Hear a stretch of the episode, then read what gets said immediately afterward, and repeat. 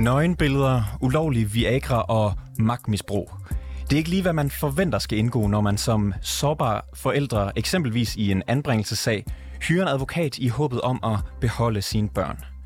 Det har ikke desto mindre været virkeligheden for en række personer, der har været i kontakt med advokat Thomas Gilardi.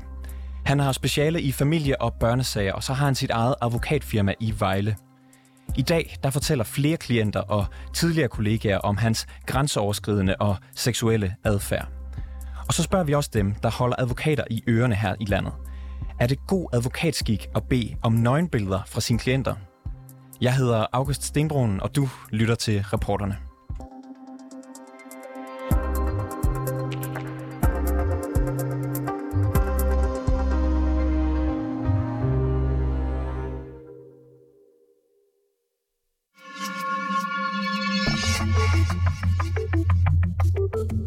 Der var bare et eller andet over hans udstråling, som gjorde, jamen jo, han virker sympatisk og flink og sådan noget, men der var et eller andet. Han har jo blandt andet opfordret mig til diverse kriminelle ting. Han har prøvet at have sex med min kone og opfordret til det, og har tit haft meget fokus på min kones barm og ting og sager, og det er bare for meget. Altså, sådan der skal en advokat ikke være. Her skriver han i den frygtelige situation, at jeg skal gå ud og få noget fremmed diller. Jeg blev helt paf. Og hvordan kunne han finde på at skrive det til mig i sådan en situation? Fordi han ikke har fået, hvad han vil have. Nøgenbilleder, meget intime nøgenbilleder, jamen så kunne jeg heller ikke få repræsenteret sagen optimalt. Altså, jeg synes, det var måske en rigtig dårlig idé at tage ham. Man kan ikke stole på ham. Dem, du hører her, det er forældre. Forældre, som har været igennem tvangsanbringelsessager eller opslidende stridigheder om bopælspligt og forældremyndighed i forbindelse med et brud. Fælles for dem er, at de alle går til samme advokat for at få hjælp. En advokat, som til at starte med er sød, imødekommende og professionel, men som lidt efter lidt udnytter sine sårbare klienter, som han har en grænseoverskridende seksuel adfærd overfor. Advokaten, det er Thomas Gilardi, selvstændig advokat, som står i spidsen for Gilardi Advokater i Vejle.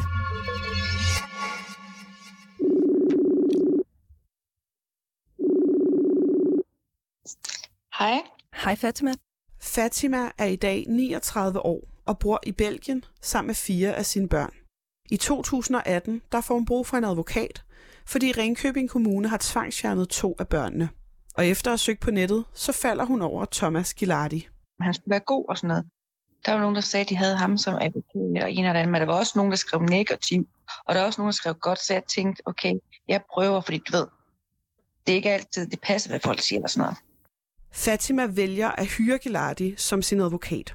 Han lover hende, at han vil gøre, hvad han kan, for at hun kan få sine to børn hjem. Til at begynde med har hun et godt indtryk af ham.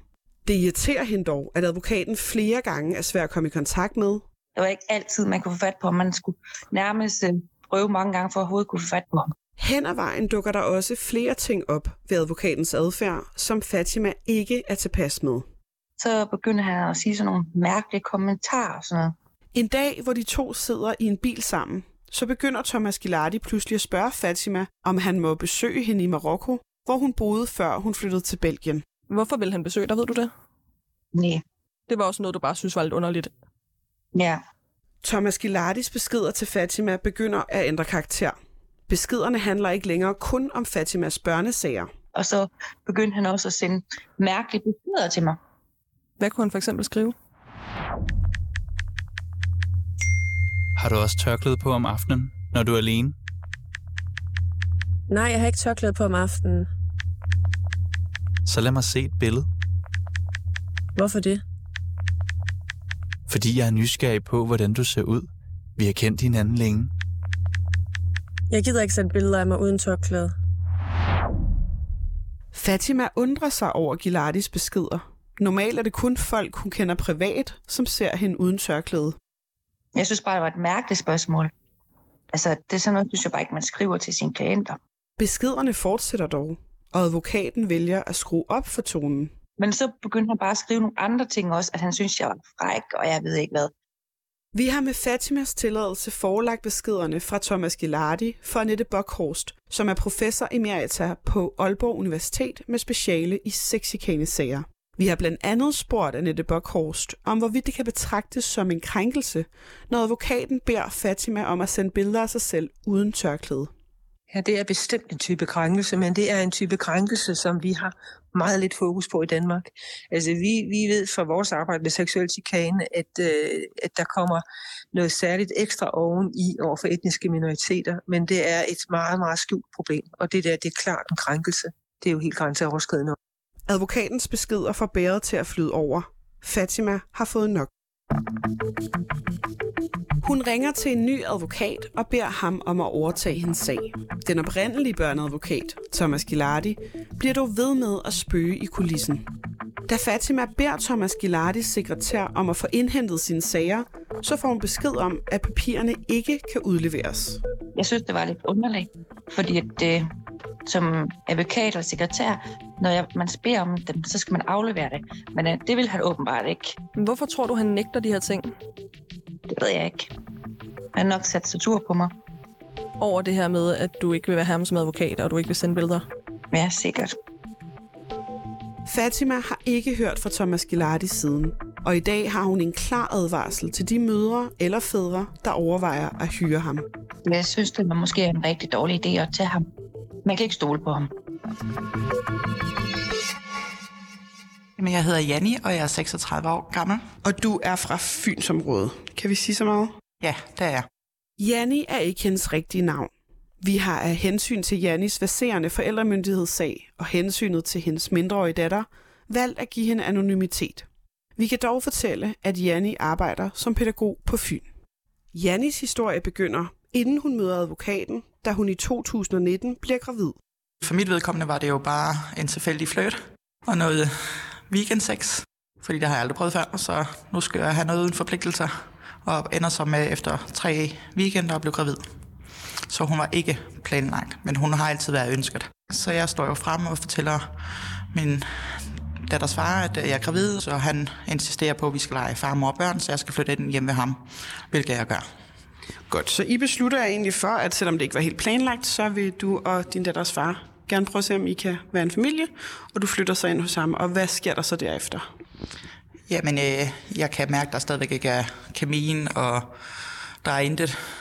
Sexdelen, den stopper for eksempel, og der opstår flere og flere gnidninger mellem os.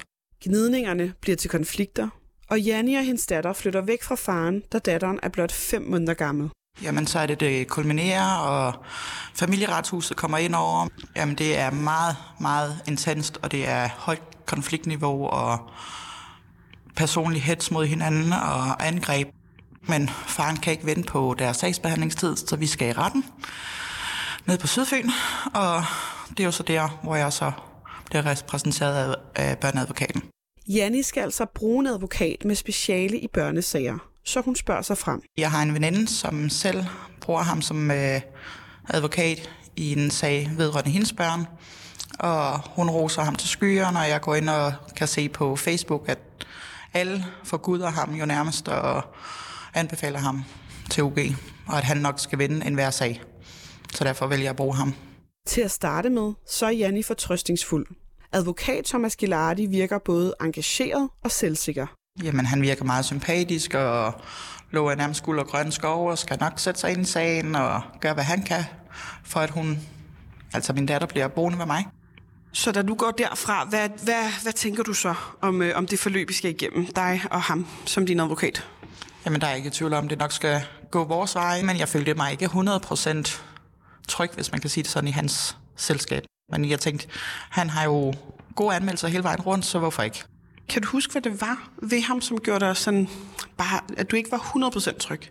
Jamen, der var bare et eller andet over hans udstråling, som gjorde, jamen jo, han virker sympatisk og flink og sådan noget, men der var et eller andet. Efter kort tid virker advokaten dog tjusket. Janni skal selv have styr på store dele af sagen, fremskaffe dokumenter, og så er hun primært i kontakt med Gilardis sekretær, fortæller hun. Jeg føler jo, at jeg ender med at lave meget papirarbejde og forarbejde og fodarbejde, som man vil sige, for ligesom at servere det hele på et sølvfad til min advokat. Jamen, jeg føler, det er mere hans sekretær, jeg er i samråd med, end ham selv. Og jeg ved jo godt, at jeg ikke er den eneste, han repræsenterer. Så jeg er også klar, godt klar over, at han har andre sager. Så jeg accepterer det ligesom og prøver at gøre, hvad jeg kan netop for at vi kan stå stærkt, så jeg kan beholde min datter. Endelig kommer dagen, hvor slaget skal stå, den 25. august 2021. Janni og hendes ekskæreste skal for byretten. Der er jeg jo totalt øh, grædfærdig og kan ikke være i mig selv, og følelserne hænger uden på tøjet, og hvordan bliver udfaldet. Hvordan er børneadvokaten over for dig op til den her retssag og ind i skin? Jamen, der er han meget sympatisk og bliver ved med at sige til mig, at det skal nok gå, og lægge en hånd på min skulder, og du klarer det så fint, og du er så sej, og spørger os inden under forløbet flere gange, har du brug for en pause at sige til, og tage noget at drikke, og det skal nok gå stille og roligt, træk vejret, og mm. alle de ting. Er det rart, at han viser den omsorg? Ja, fordi jeg er jo igen totalt uvandt i situationen, og hvad bliver jeg mødt af, og jeg har jo ikke prøvet det her forløb før. Retssagen forløber fint. Janni går opløftet derfra. Jamen, der bliver jeg jo rost til skyerne, jeg klarede det super flot, og han var ikke i tvivl om med den præstation, jeg leverede derinde i dag, at det skulle nok gå min gang, fordi jeg var rolig, og jeg var fattig, og svarede godt på spørgsmålene. Efter retsmødet går Janni og hendes veninde ud for at spise frokost, og for at fejre, at retssagen er gået godt. Mens Janni og hendes veninde spiser sammen, så modtager Janni en besked fra advokaten. Du ser dejlig ud i dag, og du gjorde det godt. Til at starte med synes Janni, at opmærksomheden er spændende, og hun opildner endda selv til den. Tak, hvor du sød og en lækker mand. Synes du? Nu har du jo en ny kæreste. Ja, det er du, og det vil du altid være. Man må jo godt samle appetit ude. Du er sød. Hvad tror du, jeg godt kan lide ved dig? Min røv og bryster. Godt gættet. Dem må jeg fantasere om. Sig til, hvis du vil have billeder. Dem vil jeg gerne have, hvis det kan være hemmeligt. Det bliver mellem os. Jeg skal nok huske det senere, når jeg har tid og er alene.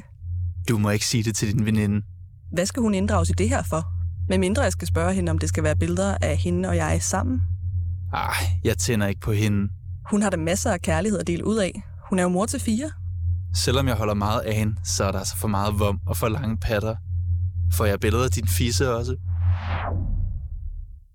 Hvorfor skrev du de beskeder? Jamen lige i øjeblikket, der følte jeg mig jo sådan meget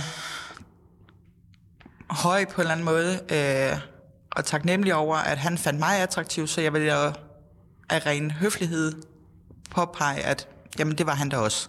Nu har jeg været igennem et meget intenst forløb, hvor jeg ikke har følt mig værdig på nogen måder, så det var lige så meget et spørgsmål om ligesom at få boost til mit selvværd og min selvtillid. Så det var også rart at få den bekræftelse fra en mand, du respekterer, at han synes, du var attraktiv, og du gjorde det godt. Ja, helt sikkert. Var der noget i dig, der tænkte, det her kunne godt blive til noget, eller sådan, altså, at det kunne udvikle sig? Ikke for mit vedkommende. Jeg vil bare se, hvor jeg havde ham henne. Altså sådan se, om han faktisk reelt var interesseret i dig, som mere end en klient? Ja, det var mere for ligesom også at vide, hvor jeg havde ham henne netop.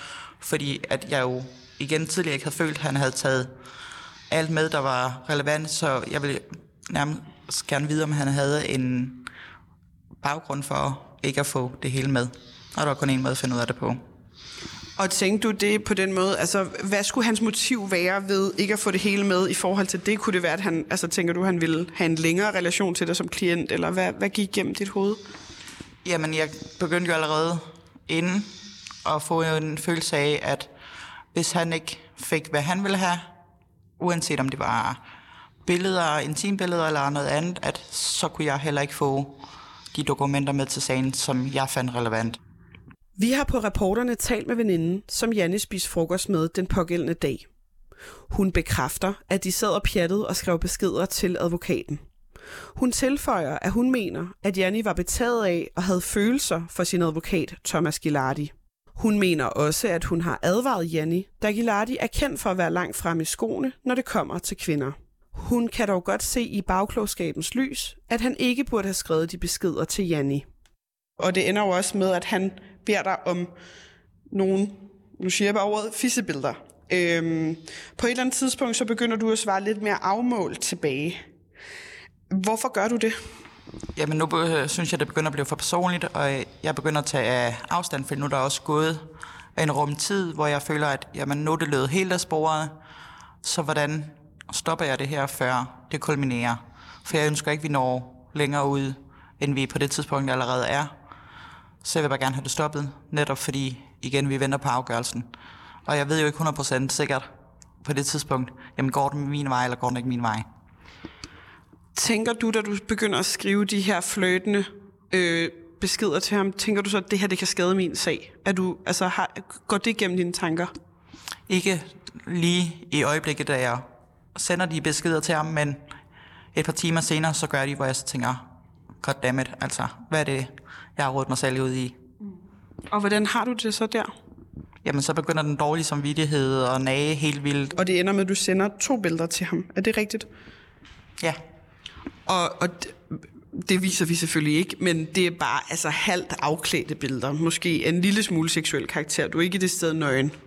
Øhm, hvad tænker du, da du sender de billeder? Jamen, jeg følte jo lidt, at jeg var jo nødt til at gøre et eller andet, fordi ellers ville han aldrig stoppe. Var du bange for, at hvis du sendte billederne, at han bare ville have mere?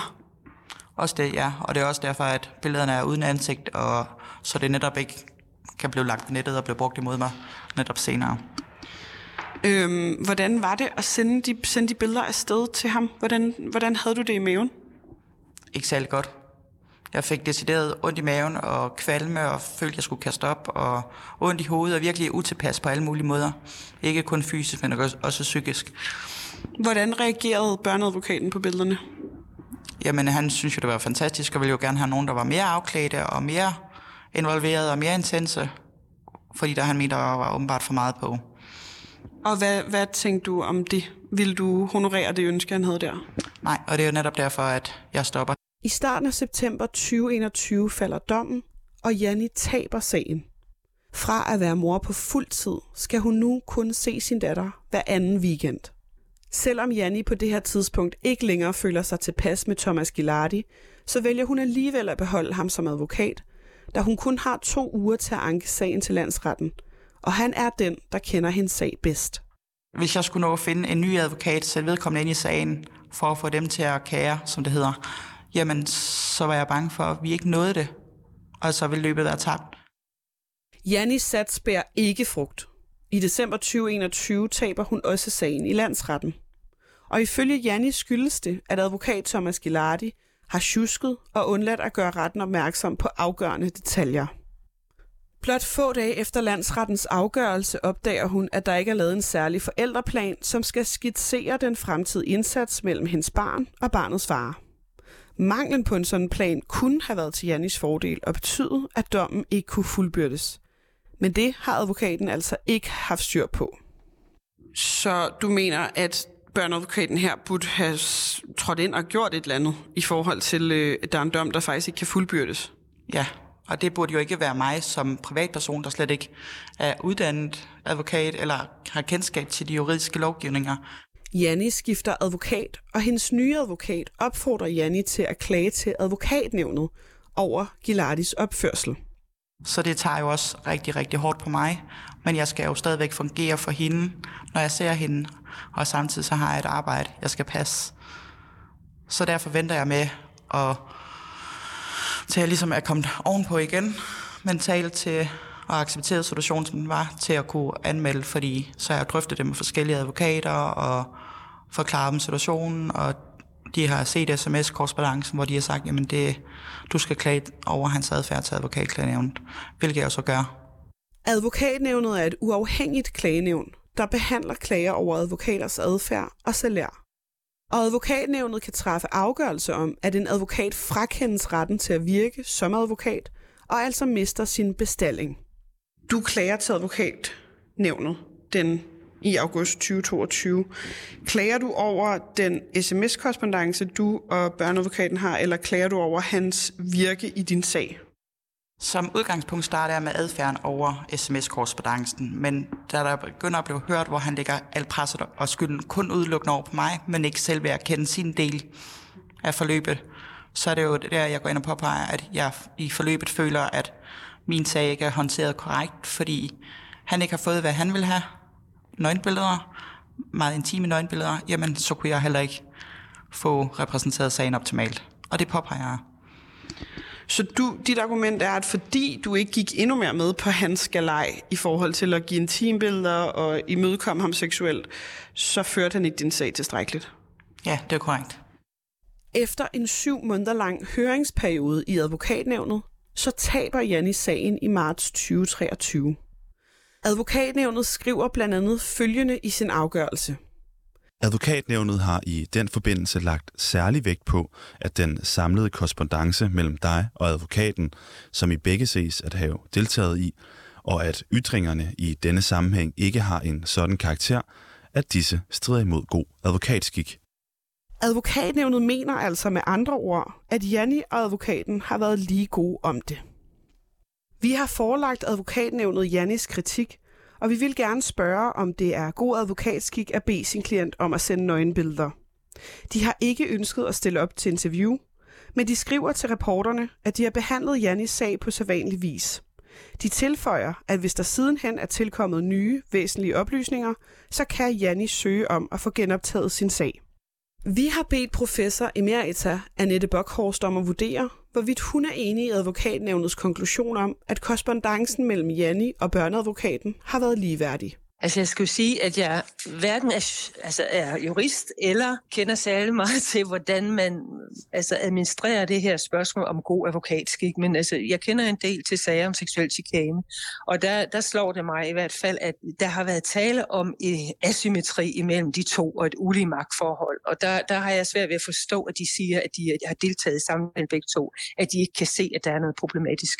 Altså de kunne for den sags skyld godt altså, sige, jamen okay, du har selv været med til det, men stadigvæk, så er det jo advokaten, der bør sige fra. Ikke også? Øh, og det er der, hvor jeg tænker, at de der nye etiske retningslinjer, man har, man har vedtaget i advokatsamfundet, jo egentlig lægger op til, at man skal varetage øh, klientens tag. Ikke? Og det synes jeg ikke, der er tale om her. Annette Bockhorst mener heller ikke, at Janne kan klandres for advokatens tilnærmelser på trods af, at Janni flere gange svarer tilbage i en fløjtende tone. Hun er helt klart aktiv i det, men altså på den anden side, så mener jeg, altså, når man for eksempel har regler for psykologer, der siger, at øh, man går ikke ind i seksuelle relationer til klienter, man har i behandling, altså, så mener jeg tilsvarende, at man burde sige, at det er også advokatens ansvar, at det ikke sker noget. Og han er jo faktisk drivende i det. Hun spiller med, ikke også, men han er jo helt klart drivende. Så jo, jeg vil mene, hun er udsat. Altså det bliver aldrig et lige forhold, det der. Men hvad siger Janni selv om beskederne? Ja, jeg ligger måske som jeg er ret, men jeg synes jo stadigvæk, det er en advokats pligt at holde det professionelt. Hvis, altså fordi man kan sige, både advokatnævnet og måske også nogen kunne kritisere dig for at selv at have startet den her interaktion med advokaten. Hvad vil du sige til det? Jo, i bagklogskabens lys kan jeg da godt se, at det er jo måske mig, der har startet det. Men der tænker jeg, han er jo den professionel, så burde han også have stoppet. Og jeg kan da også godt se, at jeg min fejl i hele det her forløb. Og jeg fortrød det også inderligt, hvis jeg kunne gå tilbage og ændre det, så havde jeg aldrig sendt de beskeder til ham. Aldrig. Hvor føler du, de placerer ansvaret for, for den her korrespondence, advokatnævnet? Jamen, de siger jo, det er min egen skyld. De siger også, at de endvidere har lagt vægt på, at adfærden ikke ses af karakter, udnyttelse eller misbrug fra advokatens position. Hvad tænker du om det? Igen, det er jo forkasteligt, at der igen er offentlige instanser, der holder hånden over på sådan nogen som den advokat. Især fordi jeg jo efterfølgende har fået kendskab til, at jeg er langt fra den eneste.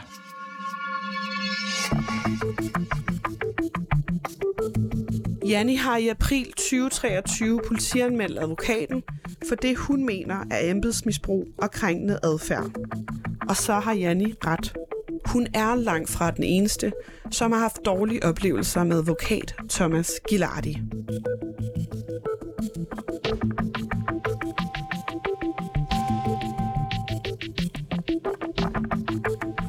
Jeg vil starte med at spørge dig, Rie, som vi kalder dig i dag. Hvorfor vælger du at stå frem med din historie nu? For det første, jeg ønsker ikke andre skal igennem det, som jeg har været igennem. Og fordi det er så følsomt område, der skal ikke være sådan nogle typer der forældre der. Det kan jeg ikke gå med til. Rie hedder ikke Rie, men det kalder vi hende, da hun ikke ønsker, at hendes navn skal være kendt i offentligheden. Hvad for nogle overvejelser har du gjort dig i forhold til øh, både at stille op, men, men også øh, at politianmelde ham? Jeg har gjort rigtig meget om det, fordi jeg har været bange for at gøre det, og jeg er stadig nervøs for det, fordi konsekvens for min egen børnesag, og hvordan folk vil tage det og sådan noget der. Men med min egen samvittighed kan jeg ikke bare lade det gå. Jeg er nødt til at gøre noget. Rie og hendes mand, som vi her kalder David, får i 2016 brug for en advokat. En dygtig advokat. Den kommune, de bor i i Nordvestjylland, har nemlig valgt at tvangsfjerne parrets to børn på baggrund af mistrivsel. En beslutning, parret absolut ikke er enige i. Jeg er en knus kvinde og mor. Mit hjerteside er, eksisterer ikke på det tidspunkt. Jeg har kun et ting. Det er mine børn, der er væk. Og dem skal jeg hjem igen. Hvad, hvad tænker du i den situation? Jeg tænker, mit liv er slut. Mit liv er de børn. Og det alle, der kender mig, siger, at jeg er familiemenneske, og der er ikke noget at komme ud om. Men mit liv var de børn, så jeg vil gøre alt for at få dem hjem. Så jeg gik jo på dette for at finde den bedste. For selvfølgelig skulle jeg have den bedste, for så kunne jeg få mine børn hjem. Og jeg ved, I så finder øh, børneadvokaten gennem nogle anbefalinger inde på Facebook. Hvad, hvad tænker du om ham, øh, efter I har haft jeres første møde?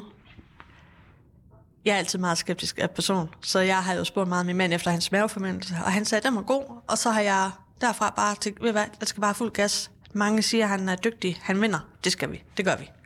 Ries mand David er også begejstret for samarbejdet med børneadvokaten. Ja, man bliver jo lidt og tænker, yes, man, nu er der endelig, øh, nu er der noget retfærdighed til. Jamen, han virker altså helt rolig og betryggende og en rar mand, og vi kommer ned på hans kontor, og der bliver stillet kaffe an, og der, er, der mangler ikke noget, der er ikke noget at sætte en finger på, og det føles rart, man føles tryg, altså ved det første møde og mange andre møder efter, men jeg føler mig tryg ved ham.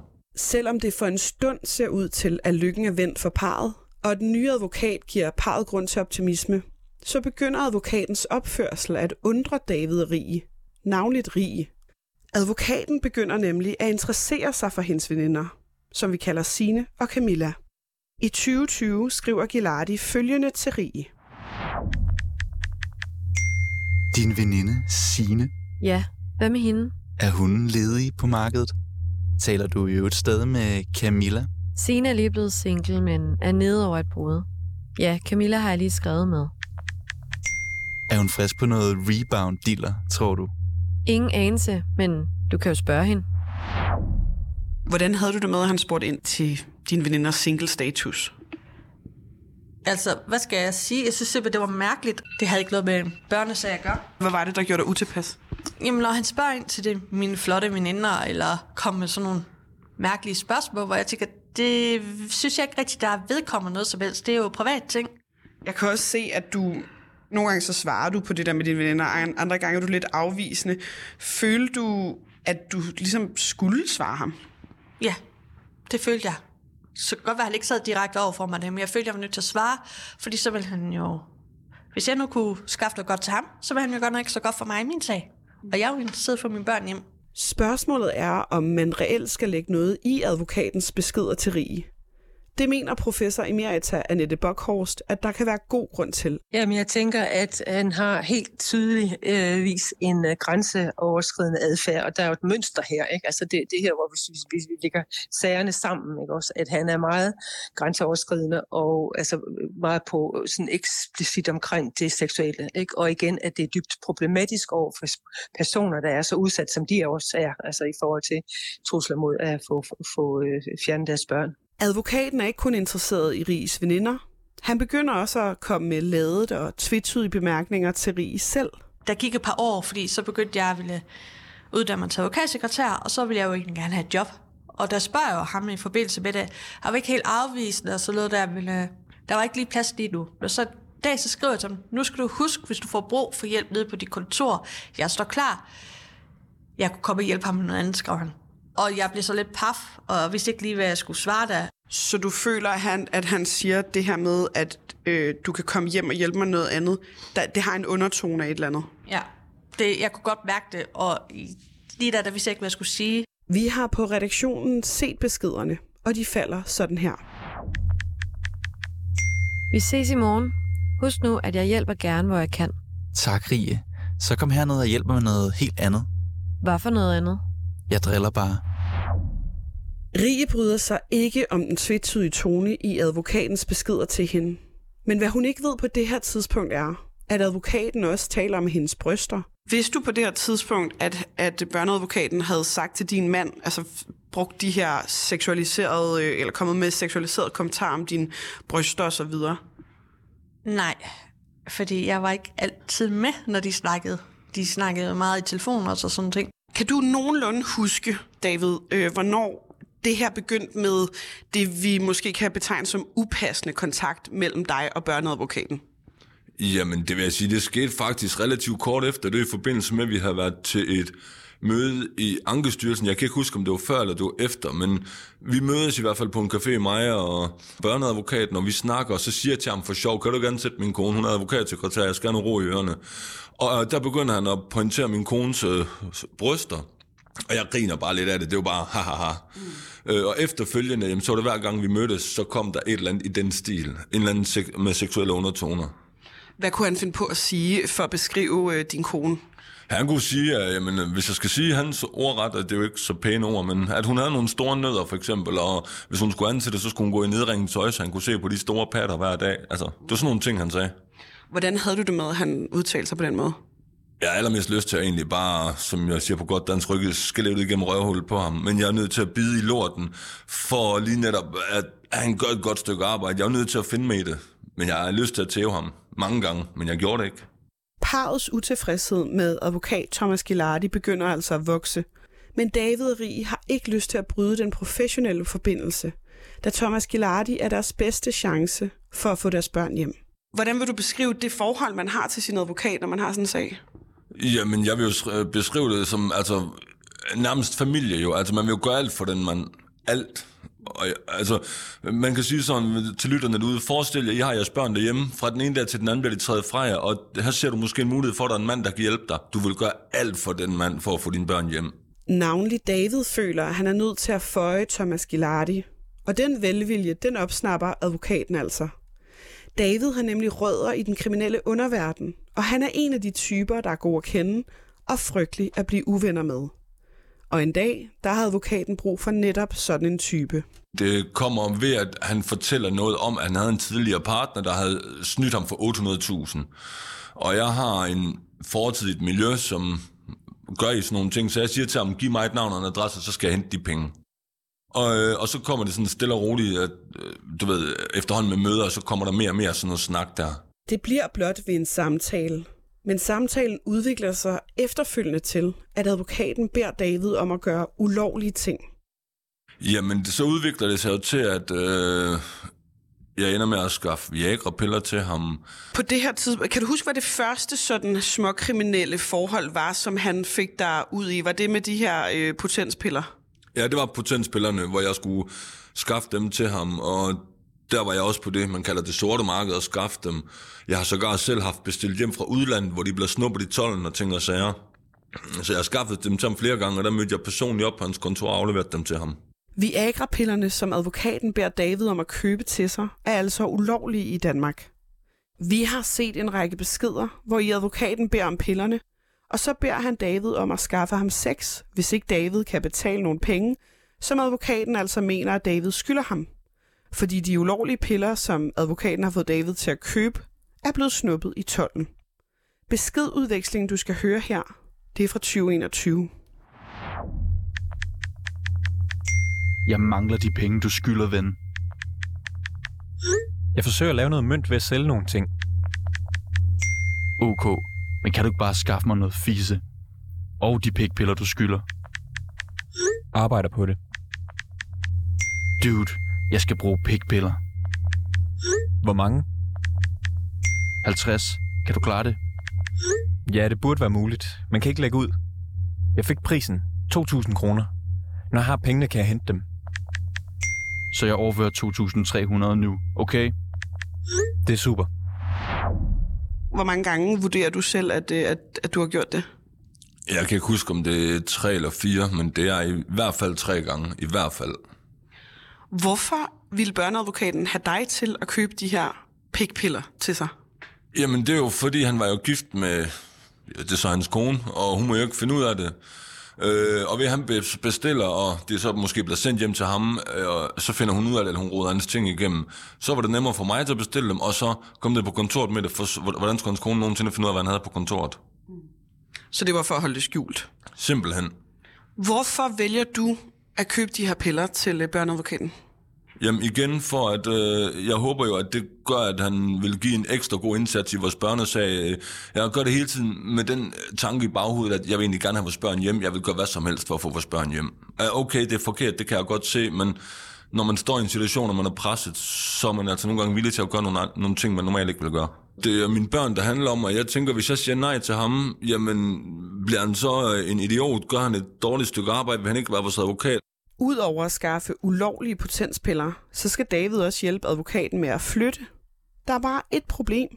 David har ikke noget kørekort. Vi kører hjem fra vores egen bopæl helt til Aarhus for at hjælpe ham med nogle ting, han har købt på auktion, og så kører vi så dem ned til den by, han bor i. Jeg siger til ham, hallo, jeg har ikke kørekort. Så siger han, kan du ikke køre den? til? jo, altså jeg har jo kørt store lastbiler, selvfølgelig kan jeg køre den, men jeg må ikke. Jamen det er sgu lige meget, jeg betaler bøden, hvis vi bliver stoppet, siger han så. Så siger han, fair nok, så kører vi. David, så kan man jo sige, det er jo dit ansvar, om du begår kriminalitet eller ej. 100 procent. Det er til enhver tid mit ansvar. Men som jeg har sagt før, det, for nogen vil det nok bare ligesom en dårlig undskyldning. Men du er altså i en presset situation her. Du vil gøre hvad som helst. Hvad som helst for at få dine børn hjem. Vi har set dokumentationen for, at David ikke havde kørekort, da flytningen fandt sted. David er ikke sikker på, hvor mange kriminelle forhold ham og advokaten rodede sig ud i. Men på et tidspunkt overskrider advokaten endegyldigt parets grænser.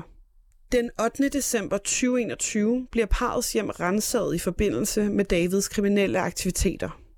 Sari skriver desperat til advokaten, forklarer situationen og spørger, hvordan rensagningen kan påvirke deres børnesag. Og her svarer advokaten altså, at sagen er tabt, og de står til at miste begge deres børn. Så skriver Rie. Send endelig alle dine gode råd. Gå ud og få noget fremmed dealer et andet sted. Hvis det føles rigtigt, bliv skilt. Hvis det føles forkert, ja, så bliv ved din mand. Okay. Tager du imod? Nope. Hvad tror du, hans øh, budskab var med det? Han skriver også bagefter, tager du imod? Hvem, hvem er det, han, han hensyder til, at du skal gå ud og, og være sammen med? Ham. Hvis jeg havde skrevet, ja, det er det, jeg gør, så ville han spurgt mig, om jeg ville have været sammen med ham. Det er jeg ikke så tvivl om med det, han skrev. Hvordan har du det, da du sidder i den her situation? Du har lige fået den nedslående besked, dine børn er, er tabt, og så, øh, så er det det her, han foreslår. Åh, oh, men det der, det knus for bare endnu mere. Og så han ikke engang kunne komme med et passende råd til mig som advokat i branche. Så jeg følte virkelig ikke, at øh, jeg blev set på som en menneske, eller en mor til to børn, jeg gerne vil, men blev set på som et produkt, der bare kunne bruges til noget andet. Jeg, har ud af på mig, og jeg har aldrig nogensinde følt mig så svigtet, som jeg gjorde lige der. Hvad gjorde du, efter du havde fået den her besked? Sagde du det til nogen? Jeg viste det hele til min mand, mm. mens jeg græd. Fordi det ville jeg ikke skjule. Det kunne jeg ikke. Og hvordan øh, reagerede han? Han blev vred. Han blev rigtig vred. Det var det, der fik, fik dråben til at flyde over for mig, at han forsøger at udnytte sådan en situation, og han beder hende ikke bare om at kunne være utro med en eller anden random mand, det er decideret med ham. Det var bare det, der fik jeg bare nok. Jeg lyst til at slå mig ihjel. Mere præcis skal jeg ikke sige det. Men hvad var det lige præcis ved den situation, i forhold til alt det, I har været igennem, der gjorde sådan, det her, det kan du, det kan du ikke tolerere? Fordi de andre gange har det været, hvad skal man sige, mere sådan i godsøjne i sjov. Altså, der, der, det, der, der gjorde mig så sur, det var, at han decideret udnyttede den her pressede situation til egentlig at prøve at få sex. Her forsøger han decideret at udnytte en presset situation, hvor han ved, at jeg er presset til det yderste, og min hustru er presset til det yderste. Og det eneste, han tænker på, det er med sin diller. Professor Emerita Annette Bockhorst har set klienternes dokumentation og fælder på den baggrund en hård dom over advokat Thomas Gilardis adfærd. Altså jeg vil sige, at det jeg har set og hørt, ikke også, det er jo meget grænseoverskridende. Øh, så altså, jeg tror, der er en, der skal lære at kende andres grænser, og herunder også, hvad han gør altså, i sin, sin egenskab af advokat. Ikke? Øh. Hvor groft er det, de har været udsat for? Jamen, altså, det, man, man snakker inden for seksuel chikane om, om det, der hedder noget for noget. Ikke? Altså, det er det her med, at øh, hvis ikke at du gør det, så, øh, øh, så, så ødelægger jeg dig. Det var det, Sofie Linde også sagde, altså med sin sag i sin tid, i sin berømte altså solotale der. Øh, og øh, det, det er også et velkendt mønster. Og igen, øh, så er det jo spørgsmål om, at det, det er øh, uetisk, vil jeg mene, at man kræver øh, noget af folk, som, som er afhængige af en. Ikke? Øh, så igen er vi tilbage til, at advokatsamfundet jo egentlig burde komme omkring de her problematikker i deres etiske retningslinjer. Efter rensagningen og beskeden til Rige, så afbryder parret kontakten til Gilardi og finder en ny advokat. Vi blev bare enige om, at vi skulle finde en, der ville lytte til os, og en, der vil rådgive os rigtigt, og så måtte vi ud og læse op forskellige advokater, fordi vi var ikke, jeg var ikke tryg ved ham. Vi kunne ikke stole på ham, fordi han ville spille os op mod hinanden. Det, det duer ikke. Og vi blev enige om, at vi skal i hvert fald være sammen. Det, vi skal ikke uh, skilles. Vi kæmper sammen. Hvordan, øh, hvordan afsluttede du det forhold til ham? Hvad sagde du til ham? Jamen ikke så meget. Jeg fandt bare en anden advokat, og så øh, stod den nye advokat for det hele, for at sørge for kontakten, når det blev rykket over. Har du hørt fra børneadvokaten siden? Der var kun noget, hvor han, øh, efter vi har fået anden advokat, får vi at vide, at han har forsøgt at informere vores kommune om, at han egentlig stadig ikke var vores advokat, og han forsøgte at komme med til et møde, hvor til jeg skrev til ham, du er ikke vores advokat, og det har du ikke været i flere måneder, og vi vil gerne frabede os al kontakt. Og siden har jeg ikke hverken skrevet til ham eller hørt fra ham. Rie og David har i april 2023 meldt advokaten til politiet, ligesom Janni. Jeg sidder og tænker på, hvor mange andre, der har været der. Og, og det skal også vide, at de er ikke alene. Men hvis vi ikke stopper ham, hvis jeg ikke gør noget, og han så fortsætter og kører med mange, når han så ikke ødelægger det for, det kan jeg ikke med god samvittighed, så bagefter sidde og sige, hov, det kunne jeg have stoppet. Nej, det gør jeg nu. Det er bare ikke i orden, det der. Det burde være sådan, at han aldrig får lov til at være advokat igen. Altså, det, det, han har udnyttet det så groft, og jeg ved, at han har været selvstændig i 20 år, så kan man jo tænke, at det har stået på i 20 år. Altså, det, det, han skal efterforske, så det skal stoppes. Hvorfor lige nu, David? Altså, hvorfor vælger I at gå til politiet øh, lige præcis nu i år 2023? Jamen, man har jo gået med det længe, og øh, nu her efter, hvor vi har snakket med advokaten om det, og vi har så gået noget tid og tænkt, om det var det, man ville, fordi at stiller man sig frem, folk vil tænke, ah, men du er bare sur på din advokat, det er noget, du finder på, et eller andet. Men vi er så på det sidste, inden for et par måneder, blandt andet efter kontakt med dig og advokater, tænker sig, at vi er altså ikke de eneste, det går ud over. Har du været nervøs for, om du selv, fordi at du også har gjort nogle, nogle kriminelle ting for ham, vil blive impliceret i det? Ja, altså jeg jo, har jo tænkt meget over, om jeg går ind og kriminaliserer mig selv, men man kan så sige, han har meget mere at tage på det, end jeg har. Jeg får måske en bøde, og man kan måske sige, at det kan være, at det bliver lavet ind i, men jeg har været presset, så det kan jo være, at jeg egentlig er heldig at blive frifundet i det. Men ellers er det en bøde, så tager vi det med. Har du været bange for netop med din fortid, øh, og, og at det har, der har været den her, du er ligesom, hvad kan man sige, den svage part i den her sag, der har en børnesag. Har du været bange for, om, om du vil blive taget seriøst, hvis du gik ud med det her? Jeg ved ikke, om jeg har været, ba- været bange, men jeg har været nervøs for, du ved, at tænke, at men du er jo selv, øh, folk vil sige, du er måske selv tidligere kriminel, eller måske er det endnu folk, de siger jo så meget, øh, om at sige, det er måske noget, du selv er skyldig. Så ja, jeg har tænkt en del over, vil man blive taget seriøst? Også mindst går jeg til politiet, vil de tage mig seriøst med min fortid? Men der er det så så heldigt, at Radio 24-7 belyser det, som bliver man taget seriøst på den måde. Vil politiet ikke tage det seriøst, så er der stadig nogle andre mennesker, der hører det. Så på en eller anden måde kommer det til at ske noget. Der kommer noget skred i det nu. Hvad vil du sige til de potentielle ofre for den her opførsel, der sidder derude øh, og, og lytter med, måske overvejer, hvad de skal gøre? Jeg vil sige helt klart, øhm, øh, meld det, om ikke andet til, hvis ikke til politiet, så kontakt det, der hedder advokatsamfundet. Det er advokatrådet og ting og sager. Det er sådan nogen, der sidder og, med de sager, og jeg har haft personlig kontakt til dem, øh, hvor jeg ved, at de sidder bare klar til at vente. De vil meget gerne høre det, og det hele kan ske anonymt. Og øh, jeg vil så gerne opfordre dem til at, ja, nu har jeg jo så genet dig oplysningerne på dem, så det er lige for at tage kontakt til Radio 24 og få oplysningerne på dem fra advokatsamfundet. Jeg lige for at sige, give dem mine oplysninger, hvis de har brug for at snakke. Altså, det skal ud, og ham og han skal stoppes, fordi hvis ikke folk har nogle episoder, det er forfærdeligt, det der er sket, 100%, men de kan være med til, at det ikke sker for flere, vil vi få ham stoppet på det her. For uden Rie, David, Fatima og Janni, så har vi her på redaktionen kendskab til mindst tre andre af Thomas Gilardis tidligere klienter, som har haft lignende oplevelser.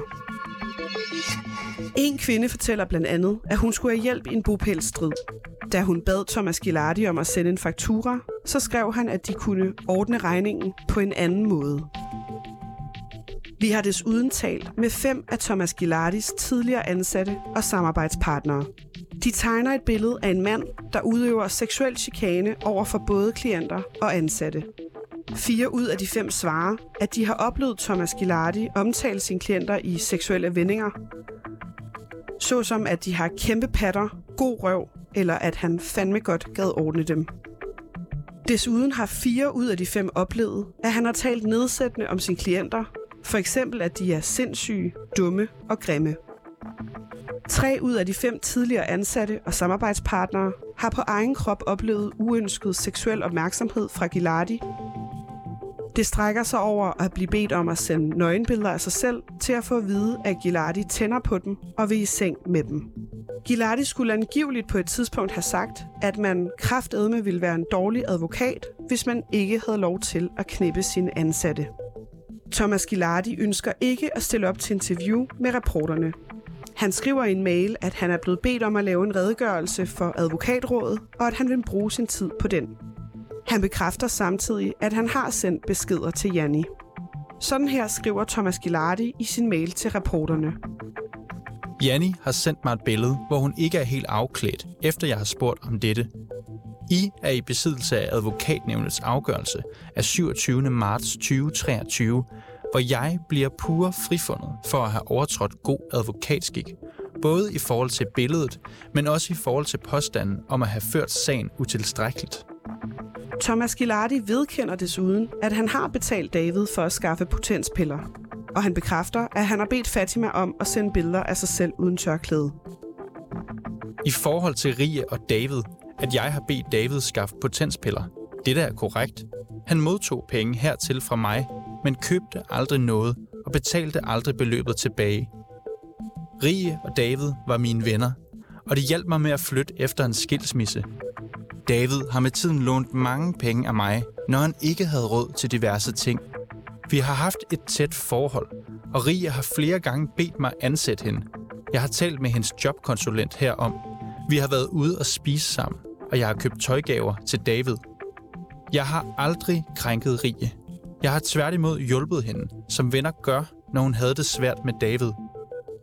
I forhold til Fatima er den eneste dokumentation, at jeg for flere år siden har bedt hende om at sende et billede af hende uden tørklæde. Thomas Gilardi skriver, at han hverken mener at have overtrådt god advokatskik eller misbrugt sin magt som advokat.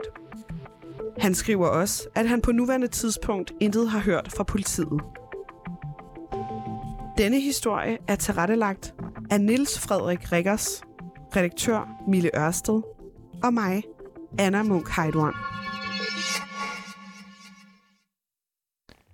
Som David siger i slutningen af klippet her, så kan man, hvis man oplever ubehagelige ting i mødet med en advokat, klage til advokatsamfundet. De fører tilsyn med alle landets advokater. Nu der skal vi høre fra Karen Wong Sung. Hun er medlem af Advokatrådet, bestyrelsen i Advokatsamfundet. Min kollega Mille Ørsted har talt med hende om de grænseoverskridende oplevelser, som klienter og ansatte har haft i mødet med børneadvokaten Thomas Gilardi. Min kollega hun lægger ud med at spørge, hvor alvorlige Thomas Gilardis handlinger er. Altså hvis det, hvis det er korrekt, så er det jo i hvert fald noget, vi, vi, vi tager afstand fra i, i advokatsamfundet, fordi det er jo vigtigt, at man som advokat øh, opfører sig ordentligt og agerer professionelt. Hvorfor tager jeg afstand fra det? Fordi man som advokat har en forpligtelse til at, og, og varetage øh, klientens sag og til at opføre sig professionelt og til at og, og have sådan en, man har en etisk og en juridisk forpligtelse, og man ikke mindst, så skal man jo også bevare sin uafhængighed. Hvordan bør et sådan klient- og advokatforhold være i eksempelvis en børnesag? Jamen det skal være et, øh, et professionelt øh, forhold, hvor man har en, øh, en pæn og super tone, hvor man, hvor man som advokat har det opdrag, at man skal varetage sin klients interesse. I den her sag, der har vi jo en advokat, der har skrevet nogle meget seksualiserede beskeder til sine klienter. Hvad tænker du om det? Hvis det er korrekt, at det er sket, så tænker jeg da, at det er øh, noget, man, man ikke skal gøre. Det lyder øh, usmageligt i mine ører. Hvad kan det få konsekvenser for advokaten?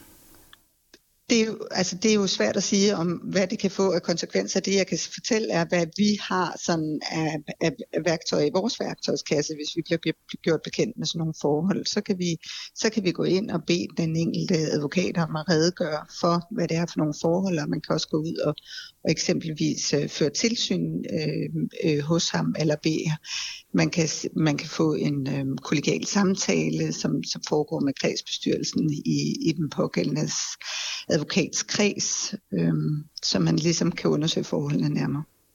Hvilke sanktionsmuligheder har I? Altså er det, er det det, eller kan I gøre mere?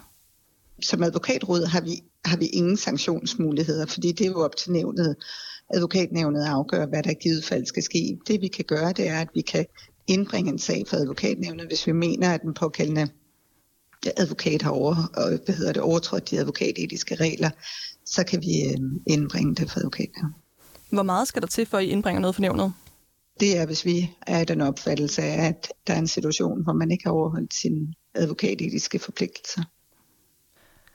Den her sag ved jeg jo, I er bekendte med, og ikke kun fra os. Er det en af dem, man kunne indbringe for nævnet? Nu har jeg jo tavshedspligt, og kan derfor ikke udtale mig om konkrete forhold. Flere forældre frygter jo for at gå ud med den her sag. Faktisk både til jer og til os. Og det er jo fordi, at advokaten ligesom har en magtposition og kan gøre livet surt for dem, mener de. Har de grund til at frygte en advokat, øh, de går ud og kritiserer? Altså nu er det jo vigtigt at vide, at man jo har, har en ret til at skifte sin advokat. Så hvis, hvis, hvis der er et eller andet, hvor man tænker, at, øh, at den her advokat ikke, øh, ikke øh, har overskrevet ens grænser, eller ikke, ikke står mål med, hvordan man, man ligesom tænker, at pågældende skal være ens advokat, så kan man jo skifte advokat, hvis man ikke har den tillid længere. Ikke? Nu uh, tog jeg jo lidt uh, ordet ud af munden på dig før, men kan du bekræfte, at advokatrådet er bekendt med en eller flere sager omkring den her pågældende advokat? Ja. Kan du komme ind på, hvor mange? Nej, det kan jeg desværre ikke. Det er en del af min tavshedspligt. Er det her en sag, der har skabt bekymring hos jer? Ja, hvis det er korrekt, det der ligesom er sket, så skaber det der bekymring. Øhm, altså det er, jo, det er jo ikke, det er jo, det er jo ikke noget, der, det er jo ikke noget, eller det er noget, der hører til sjældenhederne. Øhm, så det gør det bestemt. Hvornår går I ind og siger, at noget er korrekt? Jeg går ud fra, at det selvfølgelig ikke er nok, at der kommer nogle journalister og siger det, men mm. hvad, hvad er det, I undersøger? Jamen altså, vi, vi, vi vil jo typisk øh, i sådan, i, altså bede, hvis vi bliver gjort bekendt med noget, øh, så vil vi bede den pågældende advokat om en, en redegørelse. Kan I fortælle om, hvor langt I så er i den proces, i den her konkrete sag? Det kan jeg desværre ikke. Det kan jeg desværre ikke. Har I handlet på sagerne? Det kan jeg desværre ikke uh, fortælle noget om. Vi er i gang med at undersøge. En af de kilder, vi har med, hun har jo indbragt den her sag for advokatnævnet. Og her er den altså blevet afvist, da de vurderer, at hende og advokaten har været lige god om det. Hvad er årsagen til, at der kan være forskellige vurderinger af sagen hos advokatsamfundet og advokatnævnet? Det er jo nævnet, de er jo en selvstændig uafhængig øh, øh, øh, instans, hvor, hvor, hvor, hvor de går ind og bedømmer. Så det, det, er, jo, det er jo os, der, der viderebringer dem, øh, og derfor kan vi jo sagtens se forskelligt øh, øh, på de enkelte sager, og vi, der er jo udgangspunkt at vi må tage til efterretning, hvad det er, de har, hvad det er, deres afgørelse er. Og så må vi jo se, om vi skal undersøge yderligere. Findes der en bagatelgrænse, hvis nu en klient selv har været med på en seksualiseret tone, eller har indledt et forhold med en advokat, er det så okay, at advokaten går med på den galej, eller skal en advokat altid holde sig helt neutral? Jeg kan kun sige sådan helt generelt, at man jo har en, en forpligtelse til at opføre sig professionelt, og at man jo ikke skal komme med nogen seksuelle opfordringer eller ansynninger eller noget. Det hører ligesom ikke hjemme i ens professionelle embede. Det er jo igen det der med, at man, op, man, skal, man skal som advokat jo opføre sig, man skal jo opføre sig professionelt, ikke? Altså, det synes, altså, og man, skal, og man skal bevare sin uafhængighed, det synes jeg jo egentlig giver sig selv. Jo. Skal man som advokat, når man får en klient ind ad døren, vurdere, hvad det er for et menneske. Er det en sårbar klient, der står i sit livs krise og måske er ved at miste sit barn eller skal i fængsel? Eller er det en rigmand, hvis formue man skal hjælpe med at håndtere? Er der i nogle sager, hvor man er nødt til at vise mere forsigtighed i relationen? Altså jeg mener som udgangspunkt, at man hele tiden skal have det for øje, uanset om det kun kun i situationen drejer, sig om økonomi, eller om det drejer sig om en klients børn. Altså at man opfører sig øh, øh, professionelt, og man bevarer den her uafhængighed. Det synes jeg, det er væsentligt, uanset hvilken klient, der kommer ind ad døren. Hvordan bevarer man som advokat sin uafhængighed? Det gør man jo ved ikke at agere personligt, blandt andet. Er sagen om den her pågældende advokat unik, eller har I oplevet noget lignende tidligere? Nu har jeg siddet i advokatrådet i seks år. Jeg har i hvert fald ikke i den tid, jeg har været der, øh, hørt om noget. Så det er bestemt ikke øh, noget, som, som, øh, som, som sker. Altså, det er unikt. Ser I på det her med stor alvor? Ja, hvis det er korrekt, de oplysninger, vi har fået, så gør vi bestemt. Ja. Hvis oplysningerne og dokumentationen er valide, og en advokat har bedt klienter om at udføre ulovlige handlinger, eksempelvis købe potensmiddel i udlandet, eller flytte, selvom klienten ikke har noget kørekort, vil advokatrådet så politianmelde de forhold? Det tør jeg ikke at, at, at, at kommentere på, uden at ligesom at, at bryde min øh, tavshedspligt, og uden at, at, at, at tale om den, den konkrete situation. Kan der være nogle forhold, I kan blive gjort bekendt med, som er nok til, at I vil gå ind og politianmelde? I første omgang vil vi altid lave redegørelser, føre noget tilsyn eller noget, før vi i givet fald kommer i, i den situation, hvor der skulle ske en politianmeldelse. Vil I åbent gå ud og tage afstand fra en pågældende advokats handlinger, så frem de kan dokumenteres? Jeg kan i hvert fald sige, at hvis det er korrekt, det der, det der er kommet frem i dag, så kan jeg jo sige, at det, det mener vi øh, fra, fra advokatrådets side, at det er en usmagelig øh, korrespondence, som, som vi tager afstand fra. Vores historie kredser jo om det her ulige magtforhold.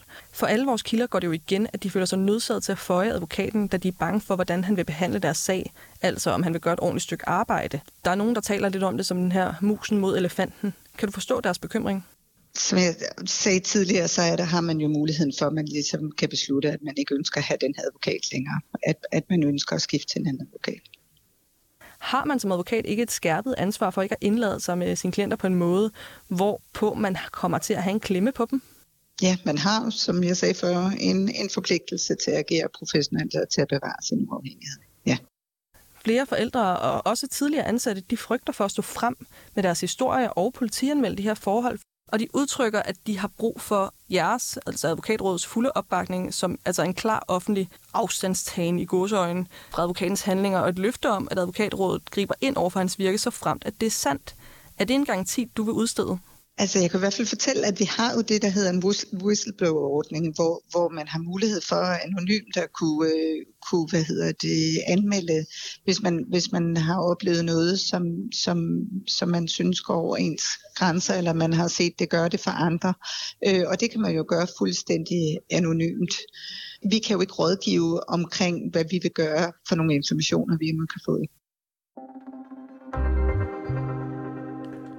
Og med i studiet nu har vi Lars Økær Jørgensen. Du har tidligere arbejdet som fagchef i advokatsamfundet og som sekretariatchef i advokatnævnet, og i dag arbejder du som selvstændig juridisk konsulent. Velkommen til. Tak. Og øh, så har du af flere omgange fortolket og kommenteret på reglerne om god advokatskik, og det skal vi tale lidt om. Først og fremmest så har du lyttet med på den historie, der er blevet fortalt i løbet af de sidste 40-50 minutters tid. Øh, hvad tænker du om den opførsel fra børneadvokaten, som bliver beskrevet? Jeg synes, den er helt ekstrem. Jeg mener ikke, at jeg oplever noget, der, der bare kommer nær øh, den opførsel, som den her advokat præsterer. Øh, jeg synes, det er under al kritik. Hvad er det ekstreme i det? Det ekstreme er jo, at øh, advokaten øh, står i en situation, hvor han har en sårbar klient, specielt i sager, det drejer sig om, om klientens barn. Øh, der er klienten virkelig sårbar øh, og følsom, og den udnytter advokaten efter min overbevisning øh, her øh, til, øh, til egne øh, formål. Altså det at, øh, at øh, komme i seng med, med, med kvinden, eller få nøgenbilleder, eller hvad det nu drejer sig om. Vurderer du, at de her tidligere klienter, de vil få medhold, hvis de klagede over den her opførsel til advokatnævnet? Øh, ja, det kommer lidt an på, hvordan øh, advokatnævnet, øh, det er sådan lidt teknisk, men øh, hvordan advokatnævnet behandler den. Altså, jeg mener jo, at det her, det er i, i strid med god advokatskik, i hvert fald hvis det behandles som advokatvirksomhed.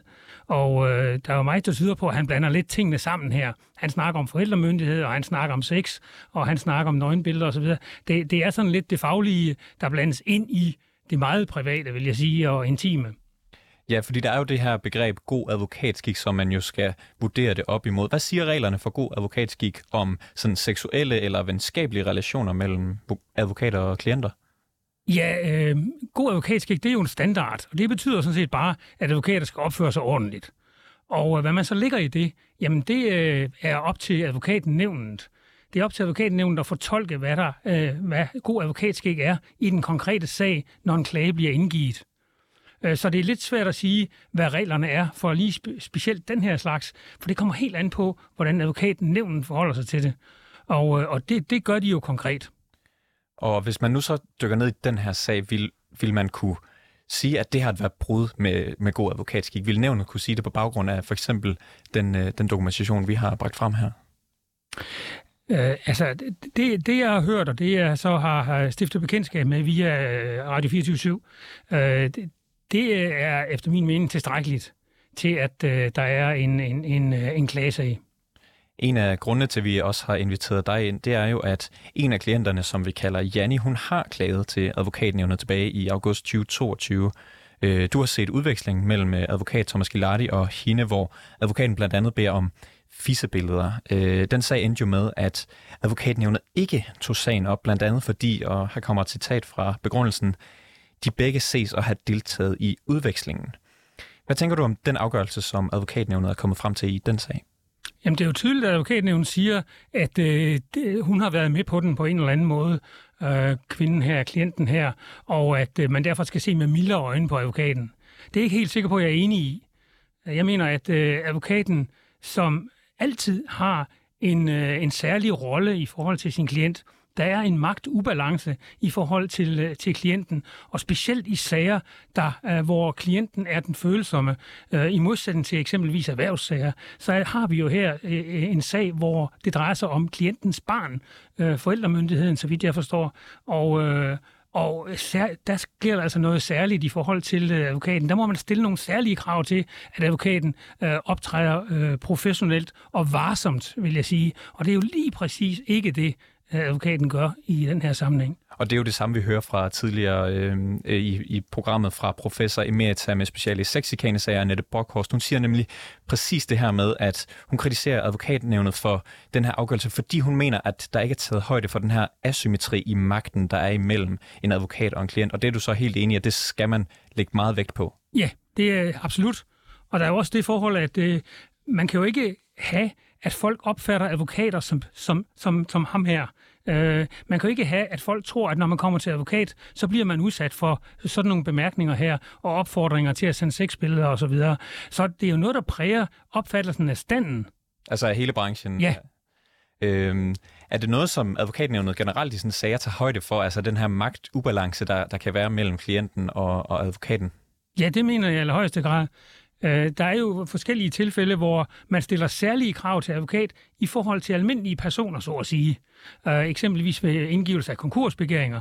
Øh, Hvis ikke at konkursbetingelserne er opfyldt, når man indgiver en konkursbegæring som privatperson, jamen så falder den bare væk. Som advokat, så bliver man sanktioneret for det fordi at man skal sikre sig øh, på en anden måde, end en privatpersoner skal.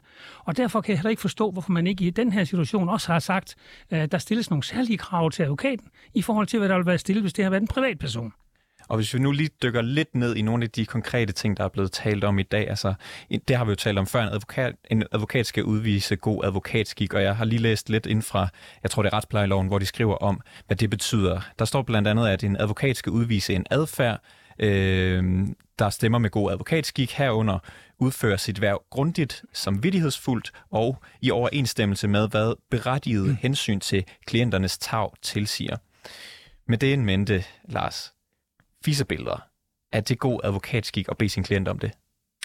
Det er jo ikke i overensstemmelse med, med klientens tag. Det er ikke, man tænker ikke på klientens tag, når man øh, drejer samtalen derhen. Og øh, det, man skal være opmærksom på, det er jo, at klienten kan jo have den opfattelse, at hvis ikke jeg føjer advokaten her, så går det mig ringere. Så vil advokaten ikke yde den samme indsats. Altså med andre ord, klienten er dybt afhængig af advokaten, og vil derfor føje advokaten langt længere hen ad vejen, end hvis det bare har været to privatpersoner, der har øh, været i korrespondence. At få en klient til at købe ulovlige piller, god advokatskik? Det, det, er, det er helt hen i skoven øh, i min optik, øh, og, øh, og øh, hvis det er advokatvirksomhed, så er det klart i, i strid med, med, med god advokatskik. Der er jo også en tidligere ansat, der citerer advokaten, vi taler om, Thomas Lillardi, for at have sagt, man er kraftet med en dårlig advokat, hvis ikke man har lov til at knippe sine ansatte. Og du har jo været fagchef i advokatsamfundet, som udstikker retningslinjer for advokater. Er det en holdning, man deler hos advokatsamfundet, altså at man er en kraftet med en dårlig advokat, hvis ikke man knipper sine ansatte? det, det, tror jeg, det tror jeg næppe, hvis man spørger dem inde i advokatsamfundet i dag. Uh, men, men, men det har jo så noget at gøre med, med hvad skal vi sige, advokatens uh, forhold i sit erhverv, og ikke så meget at gøre med forhold til, til klienten, det der. Uh, men men det, det, det er da mærkeligt, at uh, advokater kommer med sådan en udtalelse. Der er en advokat, der gør det i hvert fald. Annette Borghorst, din eksperten i sexikane sager, hun efterlyser jo flere konkrete regler for den her type seksuel og intim kontakt mellem øh, klienter og advokater, ligesom dem, man for eksempel kender fra psykologer. Er du enig i, at der bør være flere klare regler her? Nej, det er jeg ikke helt sikker på, fordi så man kunne lave øh, klare regler og øh, specialregler på, på mange, mange, mange områder. Øh, og øh, i det her tilfælde, der er det altså ganske, som også øh, Karen Wong siger, ganske få tilfælde, øh, vi oplever af det. Øh, der, der er mange år imellem, at der kommer sådan en sag. Jeg kan dårligt huske den, den tidligere sag, der har været. Øh, så jeg, jeg synes for så vidt ikke, der er behov for specialregler. Øh, for mig at se, der er det temmelig klart. Lars Økær Jørgensen, tusind tak, fordi du var med i programmet i dag. Selv tak. Det var alt for reporterne i dag, men hvis du har oplevet noget, som vi skal undersøge, det kan være noget, der minder om den sag, som vi har bragt i dag, noget, der ligner eller noget helt tredje, så kan du altid skrive til os, og det kan du på den mailadresse, der hedder reporternesnablag247.dk. Bag dagens udsendelse var Anna Munk Heidorn og Niels Frederik Rikkers. Redaktør er Mille Ørsted, og mit navn er August Stenbrun. Tak fordi du lyttede med.